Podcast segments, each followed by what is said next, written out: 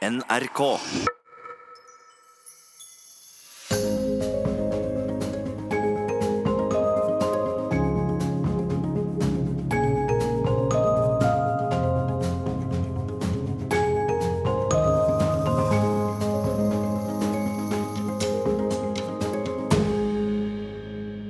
Det er 1988, og jeg er 18 år og reiser til Norge for første gang med mine foreldre og min søster.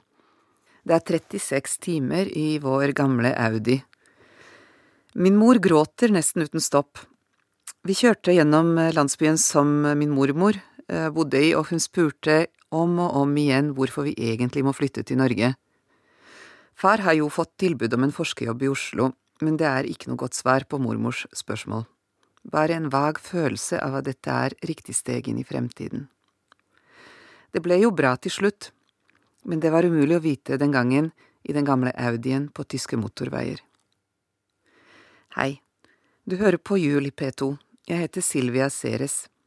Jeg er utdannet matematiker, teknolog og programmerer. De siste årene har jeg brukt mye tid på å få bedriftsledere og vanlige folk til å forstå hvordan IT er i ferd med å forandre både verden rundt oss og oss. Tenk bare, for elleve år siden skrev Time Magazine at Nokia var uovervinnelig, og kort tid etter dukket de første smarttelefonene opp. Livet er på mange måter ugjenkjennelig fra den gang. Jeg er sikker på at om elleve år blir det enda verre. Eller bedre, kanskje, det er det vi ikke vet. Den raske endringstakten kommer bare til å fortsette. I fremtiden vil teknologiutviklingen gå så hurtig at vi er nødt til å endre oss hele tiden. Å endre seg er ofte smertefullt. Som innvandrer og hvileløs læringsnomade vet jeg fra egen erfaring hvor tøft det kan være å starte på nytt, med null autoritet. Jeg vet hvordan det er å måtte hoppe ut i det uten å vite hvordan det vil gå men jeg har også lært at det på lang sikt tross alt var verdt det. Jeg ble født i en ungarsk familie i det gamle Jugoslavia og vokste opp som Titos pioner. På den ene siden besto livet av helgebesøk hos besteforeldrene mine og deres gamle tradisjoner. På den andre siden hverdagen i en blokkleilighet i betong med marxistundervisning i skolen. Jeg trente svømming to ganger om dagen, og konkurrerte og likte konkurranse. På kveldene spilte vi basket på gatehjørnet, mellom blokkene. Det var sosialt, og det var trygt. Det var alltid skyhøye forventninger til meg på skolen. Jeg var det eldste barnet i min generasjon på begge sider av familien. Jeg likte å levere og klarte meg selv fra tidlig alder. Når jeg ser tilbake på meg selv, ser jeg en høy, rolig, flink jente med noen få nære venner, oftere gutter enn jenter. Jeg husker spesielt godt somrene hos bestemor. Hun bodde i et jordhus i en liten landsby med brønn i hagen og gjess i gata. Huset hadde en meter tjukke vegger, og det var alltid svalt om sommeren og lunt om vinteren. Det luktet godt av maten som kokte dagen lang på bestemors gamle vedovn. Jeg husker middagene med storfamilien, samlet rundt bordet med mye latter og altfor mye mat. Vi gikk på lange turer med bestemor i de rolige gatene i landsbyen, eller på demningen langs elva. Jeg kunne sitte i timevis under valnøtttreet hennes og lese gamle magasiner. Jeg dro ofte med foreldrene mine for å bade i Tisa. Det er en lavlandselv med grønne skoger på hver side og den aller beste lukten i verden. Jeg husker at mine foreldre satt på bryggekanten og pratet i solnedgangen. Det er et minne jeg søker til når livet blir litt for mye. Jeg husker også den gode hverdagen fra Novi Sad der jeg vokste opp en by med ca 500 000 innbyggere, der alle kjente alle likevel. Vi brukte byen mye og traff hverandre hver dag. I gågatene i sentrum på promenaden langs Dunav, på den store stranden eller den gamle festningen. Vi gikk på skole i to skift, en uke på formiddagen og en uke på ettermiddagen for å utnytte skolebygningene best. Min søster Gabriella, som er fire år yngre enn meg, gikk alltid i motsatt skift, så vi var nesten aldri hjemme samtidig på ukedager. Det var et stort savn. Mor og far jobbet fra halv syv om morgenen. De pleide å legge igjen frokost til oss før de gikk, men først vekket de meg for at jeg skulle passe på melken som måtte kokes. Jeg sovnet altfor ofte, med nedbrent komfyr som resultat. Faren min er matematiker, han er den beste matematikeren jeg vet om, og antagelig også den klokeste mannen. Det var hans arbeid som gjorde at vi flyttet til Norge. Jeg har flyttet fra bunnen av flere ganger i mitt liv, men den første overgangen, fra Jugoslavia til Norge, var den verste. Følelsen av å miste bakken under føttene, følelsen av å miste røttene sine og seg selv. Det var noe jeg ikke var forberedt på den gang. Jeg visste ikke hvor mye vi defineres av våre omgivelser og tidligere hendelser og relasjoner. Senere har jeg flyttet mange ganger i mitt liv. Hver gang var det nye kjøreregler, både fra samfunnet og institusjoner rundt meg. Hver gang måtte jeg finne meg selv på nytt. Jeg lærte at det er viktig å finne sine egne ti bud, å være bevisst på hvem man er og hva man ikke kan gi slipp på, og hvor lite som virkelig teller utenom det vi har i hjertet for alle overganger koster mye, men gir enda mer over tid. Du hører på Juli P2. Jeg heter Silvia Ceres, jeg er teknolog og bedriftsrådgiver, og i denne timen snakker jeg om hvor viktig det er å tørre å hoppe ut i det ukjente. Kort tid etter at jeg kom fra Jugoslavia, begynte jeg å studere informatikk på Universitetet i Oslo. Jeg minnes Blindern som evig regn og steinørken, Studentlivet var en vanskelig setting å bryte inn i sosialt, med folk som enten hadde nok venner fra før av, eller var håpløse nerder. Det var de siste som ble mine første og beste venner i Norge. Jeg ble invitert på min første hyttetur av en god venn fra den kristne realistgruppa. Det var en påsketur på fjellet, og jeg hoppet i det uten noen gang å ha hatt ski på beina eller å ha tenkt over at mine nye kristne venner muligens la et annet innhold i en påskeferie enn mine kommunistvenner fra Jugoslavia. Det endte med at jeg måtte reddes ut av den dype snøen av noen av disse norske superheltene på ski. Jeg husker den første julen i Norge. Det ble for mange nye tradisjoner på en gang. Det føltes litt som å være piken med fyrstikker som står på utsiden og ser inn på alle de uendelig mange stearinlyset i husene men snart gled vi inn i samfunnet, og etter at jeg begynte i min første jobb i Skrivig Data i 1993, begynte Norge etter hvert å føles som hjemme. Jeg møtte mannen min på universitetet, vi studerte sammen på informatikk. Vi visste om hverandre og var i samme vennegjeng. En dag løp jeg opp trappen med hendene fulle av permer, han løp ned og vi krasja. Bøkene og arkene fløy i luften og ned trappetrinnene, og vi holdt oss for hodet og lo. Så begynte han å lære meg å kjøre bil. Slik skjønte jeg at han både var usedvanlig tålmodig og usedvanlig klok. En sterk mann med et kompass i magen jeg alltid kan stole på. Men eh, snart dro jeg ut igjen. Min veileder på Blindern, Ole Handal, var en av verdens viktigste tenkere innen programmeringsspråk. Han oppmuntret meg til å ta en doktorgrad ved Oxford University. Der jobbet jeg med flere kjemper innen faget, som britiske Tony Hoare og nederlandske Etzke Dijkstra. Dette er menn som oppfant de viktigste, mest sentrale algoritmene datamaskiner bruker i dag, ting som sorteringsalgoritmen Quicksort og Traveling Salesman. Å være i Oxford var som å være Alice i Wonderland, eller kanskje i Harry Potter. Da jeg ble fellow ved Modeling College, bodde jeg i et middelaldertårn med rådyr og svaner under vinduet. Hver morgen var jeg ute og rodde på elva, Svaner og kyr stirret på oss gjennom en gylden soloppgangståke, før dagen ble grå igjen. Jeg elsket også å sykle gjennom den gamle byen, gå søndagsturer til landspuben med mannen min. Å gå på Evensong, den tradisjonelle kristne guttekorsangen, som fremdeles lever videre på Maudlin College. Det var i det hele tatt utrolig mye skjønnhet, i arkitekturen, i parkene, i historiene og i sinnene. Gjengen på Informatikkinstituttet var også inspirerende. Første dag på jobb møtte jeg åtte personer i et mørkt kjellerkontor. Der skulle vi forske hver for oss i tre år før vi fikk doktorgradene våre. Det var Dominique, en middelklassegutt fra London som var genial på alt han tok i, men som ikke klarte å holde fokus på det samme mer enn et halvt år. Det var Ben, en vakker, mørk gutt fra Karibien, som var så introvert at han aldri turte å se jentene i øynene, men som løste alle våre matteproblemer. Corina fra Romania var et stille mattegeni, krysset med mor Teresa.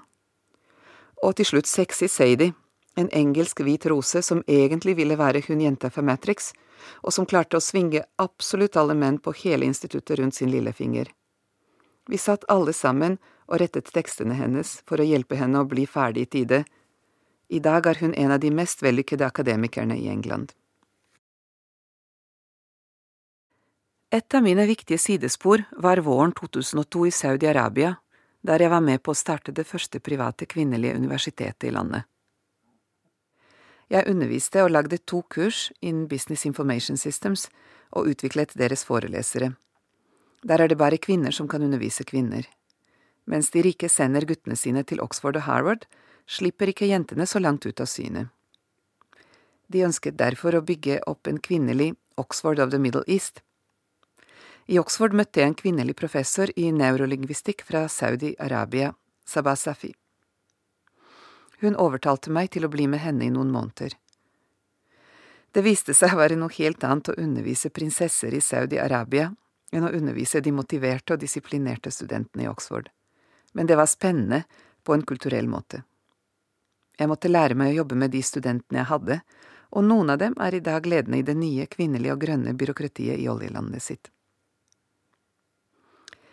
Jeddah, hvor jeg var, er en eldgammel pilegrimsby. Det er havnen som samler muslimer fra hele verden, hvor de starter sin hellige tur fra Mekka og til Medina. Min kjære Sabah var faktisk fra familien som hadde passet på moskeen i Medina i alle århundrer. Alle nedstammer fra profeten Mohammed, og familien har tradisjoner nok for 1002 netter.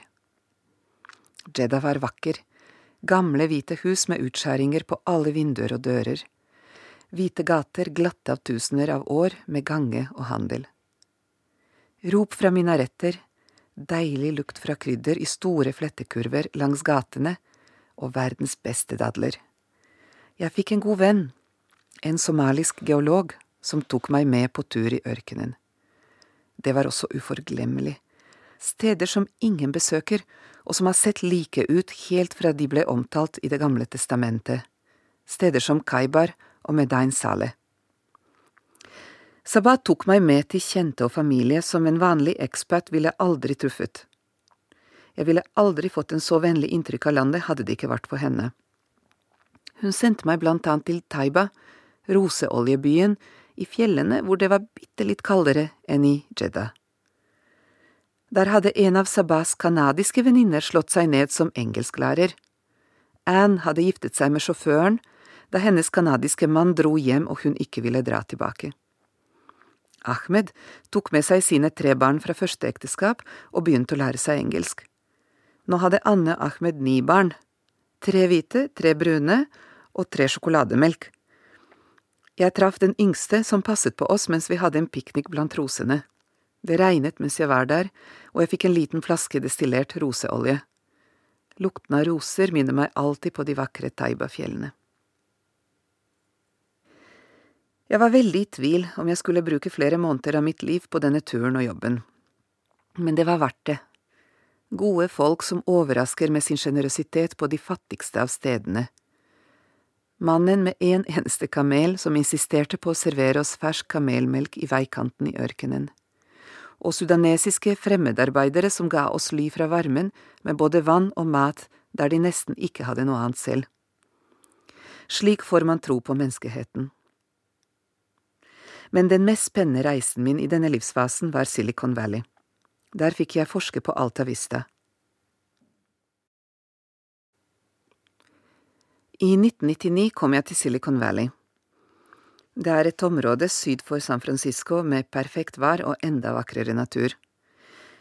Noe av de beste minnene mine fra disse månedene var egentlig naturopplevelsene, hvor mine venner fra Stanford kjørte meg til Yosemite eller Lake Tahoe tok meg på gåturer til Stillehavet, der det var blåere enn blått hav og rødere enn rødt sedertrær, svære, gamle og godtluktende. Vi eh, dro på sandstrender eh, ved Santa Monica og pratet fag, dag og natt, Arbeid er en del av det sosiale livet, og eh, man går på kino for etterpå å snakke om hvordan det man har sett påvirker måten man tenker rundt den nye teknologien på. Vi pleide å omtale dette her som intellektuell sex den gang, og jeg har savnet et så fertilt samarbeidsklima siden. Jeg hadde tatt skrittet fra forskning inn i softwareutvikling og var der for å jobbe med Alta Vista, verdens første fullskala internettbrowser. Vi var eid av DEC, Digital Equipment Corporation, som den gang var et av de største og beste IT-selskapene i verden. Men DEC trodde ikke på søkemotorer, og ville ikke satse stort på vår kommersielle vekst. De sa også nei til en annen gjeng som jobbet med søkemotorer, og som forsøkte å selge seg til DEC for én million dollar to ganger. Det hendte vi spiste lunsj sammen. De lo av oss, og vi lo av dem. Ingen av oss tenkte at det ville bli noe særlig ut av det vi holdt på med. Vi tenkte at det aldri ville bli nok trafikk fra de bitte små digitale annonsene til at det ville monne. Men dette andre selskapet jeg snakker om, er Google. Det nest mest verdifulle selskapet i verden i dag. De fem mest verdifulle selskaper i verden er alle fra softwarebransjen. Apple, Google, Amazon, Microsoft og Facebook. I dag er vel Alibaba og WeChat, kinesiske softwareselskaper, også et eller annet sted på denne listen.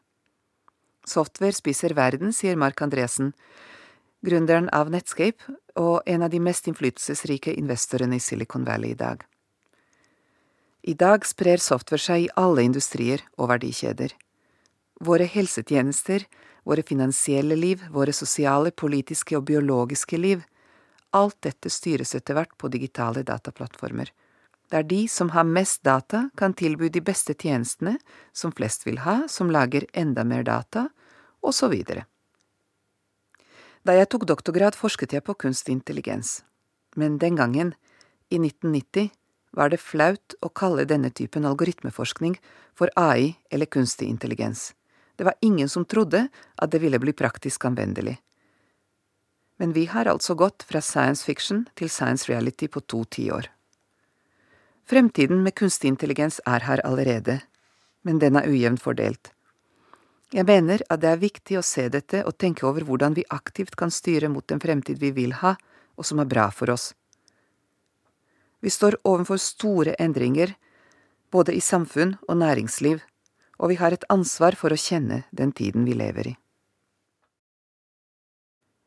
Etter å ha forsket og laget programvare i over ti år, bestemte jeg meg for å prøve å bygge IT-selskaper i stedet. Det var delvis på grunn av erfaringene fra Deck og Silicon Valley. Vi hadde minst fem fantastiske tech-produkter som våre forretningsfolk ikke så nok inntjeningspotensialet i. Teknologer og økonomer snakker ikke godt nok sammen, de lever i hver sine siloer med forskjellige filosofier om hva som er viktig og hva som er risikabelt. Jeg ønsket å bygge en slags bro her, og søkte på en del finansjobber i Norge. Jeg ville gjerne hjem igjen, blant annet for å få barn. Min mann Andreas hadde først ikke villet reise fra Norge. Men så ville han ikke tilbake, han sa at når vi først hadde flyttet, kunne vi heller dra et varmere sted. Men jeg hadde vært en del varmere steder, og så at det er svært få land der kvinner kan få en så god balanse mellom liv og jobb som i Norge. Her har man respekt for at folk skal leve et helhetlig liv, på en måte som jeg ikke kunne drømme om i England, USA eller Kina. Det å bytte arbeidsområde samtidig som man bytter land, viste seg å være vanskeligere enn jeg trodde. Jeg søkte på en del jobber innen venture capital. Jeg var på hyggelige intervjuer, men uten resultat. I Oxford er det vanlig at de som har doktorgrad i matematikk, drar til The City, finansbydelen i London, og blir analytikere i de store bankene. I Norge hadde vi ikke den tradisjonen, og folk visste ikke hva de skulle gjøre med meg. Først trodde jeg det var fordi jeg ikke snakket stammespråket til Norges handelshøyskole. I etterkant forsto jeg det var fordi jeg ikke visste hva birkebeinerne var. Jeg passet ikke inn i deres bilde av hva en god finansperson er. Vi har råd til å velge å ansette nye folk i vårt eget speilbilde, og det er også det vi belønner og respekterer. Men jeg visste ingenting om dette da, så jeg bestemte meg for å begynne på INSEAD, en av verdens beste businessskoler. Den er basert i Frankrike, men har også en campus i Singapore.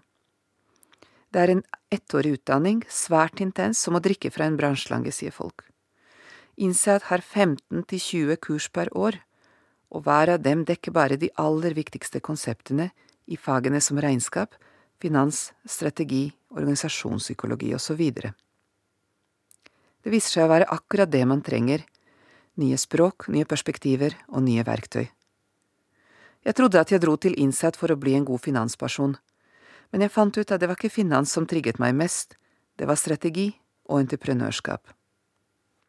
Det jeg husker aller best fra Innsad, var det de lærte meg om mangfold og tverrfaglighet. Kullet mitt besto av 500 personer delt inn i team på syv. Teamene ble satt sammen for å maksimere positiv friksjon. Mitt team besto av en rå og hyperaktiv eksoffiser fra Israel, en grublende og høyintellektuell strateg fra Frankrike, en klok, homofil diplomat fra England, en rar smarting fra Canada med opprinnelse fra Romania, og en superfrustrert finansdame fra Italia. Og så meg, da, matteprofessoren fra Oxford. Vi kjente på kroppen disse formative fasene i gruppesamarbeid, forming, storming, performing. Når trykket blir hardt nok, blir man først svært uenig på grunn av forskjellene i perspektiver og måter å jobbe og tenke på, og så lærer man å bruke hverandre på en konstruktiv måte. Jeg har sjelden opplevd så bra mangfold siden. Ellers husker jeg mange fine turer i den svære skogen rundt Fontainebleau og god mat i Singapore men det er alltid folk som blir igjen når tiden spiser opp alle de små tingene vi bekymrer oss om i hverdagen. Folk og hva de gjør med oss. Et minne til. Jeg sitter på bussen fra Oxford til Heathrow. Jeg har pakket og sendt bort de siste bøkene fra mitt hvite tårn. Klokken er fire om morgenen. Det regner, og jeg føler at bakken under føttene mine er borte igjen. Jeg har hoppet ut i det, forlatt min kjære Oxford, mine nye, gamle venner mine artikler og min faglige stolthet og trygghet. Jeg er på vei tilbake til Norge via INSEAD. Min mann Andreas har dratt på forhånd. Jeg aner ikke om det blir bra og om det var en riktig avgjørelse å ta. Klarer ikke å forestille meg liv på INSEAD, eller liv etter INSEAD. Men det føles likevel uunngåelig. Skummelt som F. Det er nyåret 2003, og livet begynner på nytt igjen. Det viser seg at det blir bra etter hvert. Og veldig bra lenge etterpå. Alle disse forskjellige liv bygger jo på hverandre på de mest usannsynlige måter.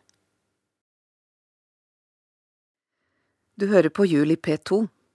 Jeg heter Silvia Ceres, jeg er teknolog og bedriftsrådgiver, og i denne timen handler det om å tørre å endre seg. Jeg kom tilbake til Norge i 2003 etter et år ved INSAD i Frankrike og mange år før det i Oxford, Kina, USA og Saudi-Arabia. Det var rart, enda rarere enn første gang. Nå var det noen jeg kjente her, men de kjente en annen Silvia enn den som møtte dem nå. Jeg var dypt endret av disse kjemper jeg hadde jobbet med og lært av, og syntes at Norge var ganske lite.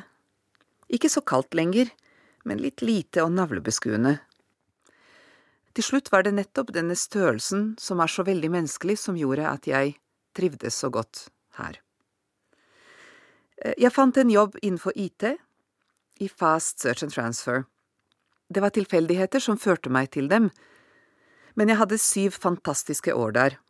Det var den morsomste jobben jeg har hatt, tror jeg. Det var som å være on a mission. Vi vokste fra 100 ansatte til 800 på to år. Det var veldig mange flinke folk, både teknisk og kommersielt, og en flott kombinasjon av norsk quiet confidence og en amerikansk salgsaggresjon.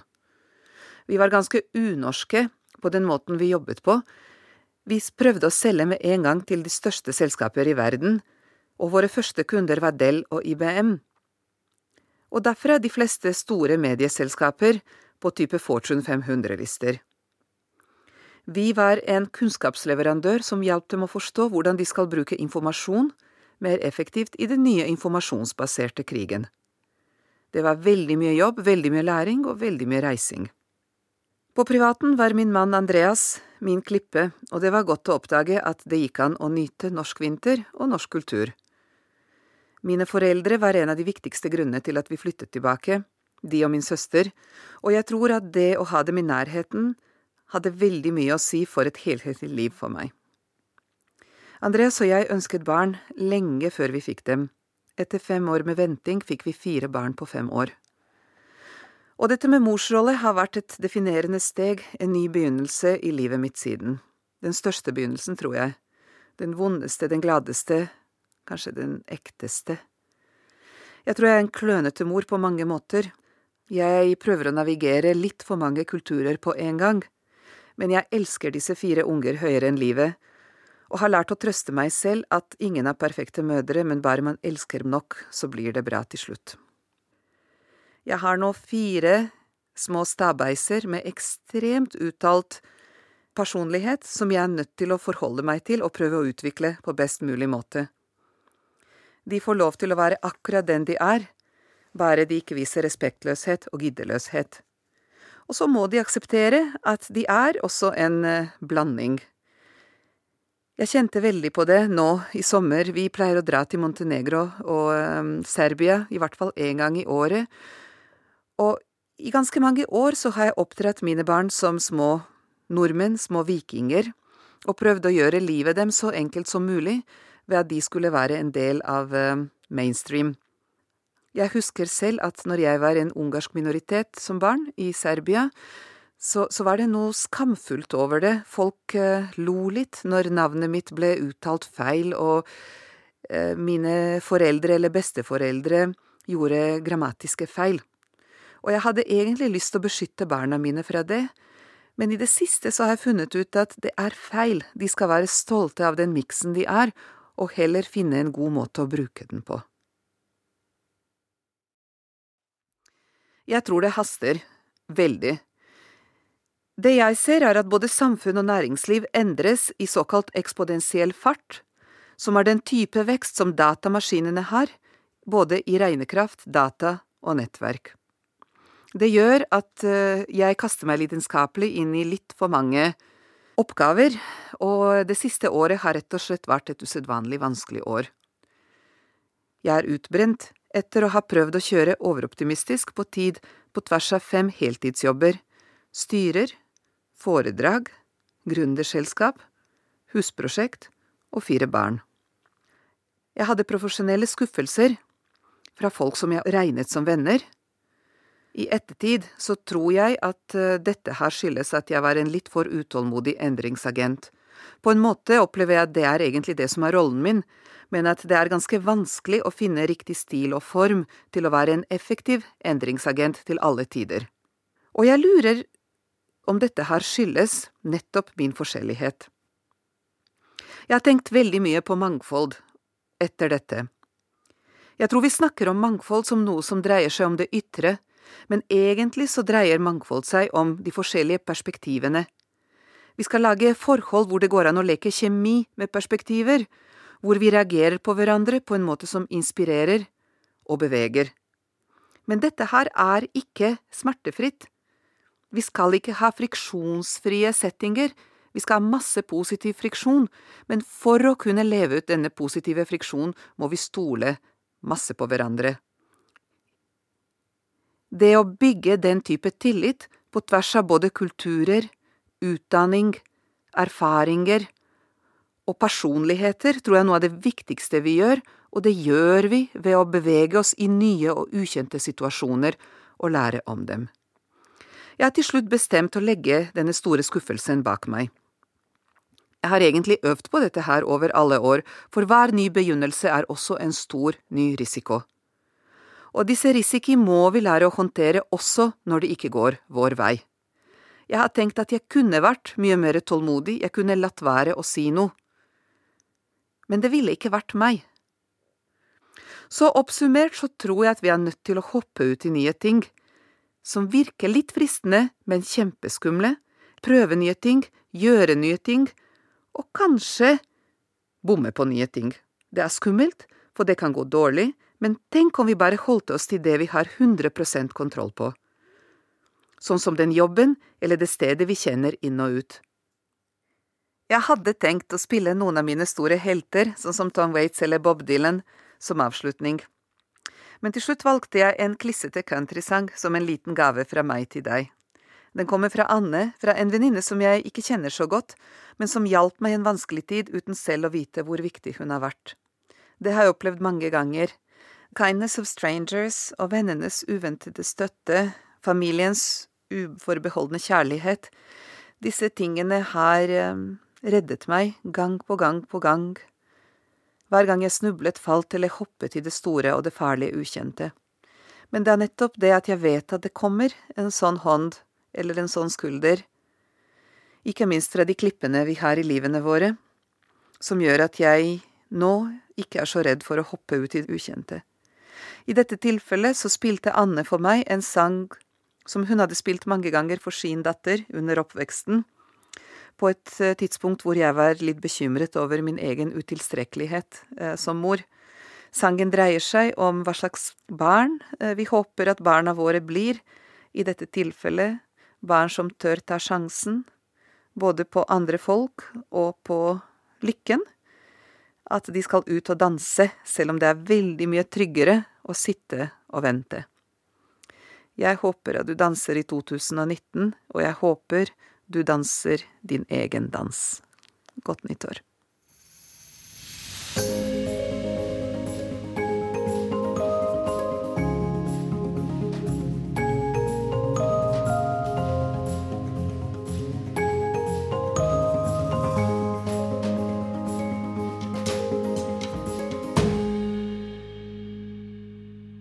Har hørt podkasten Jul i P2 med teknolog og bedriftsrådgiver Silvia Seretz.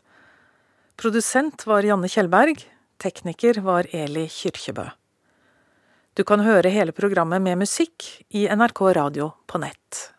NRK.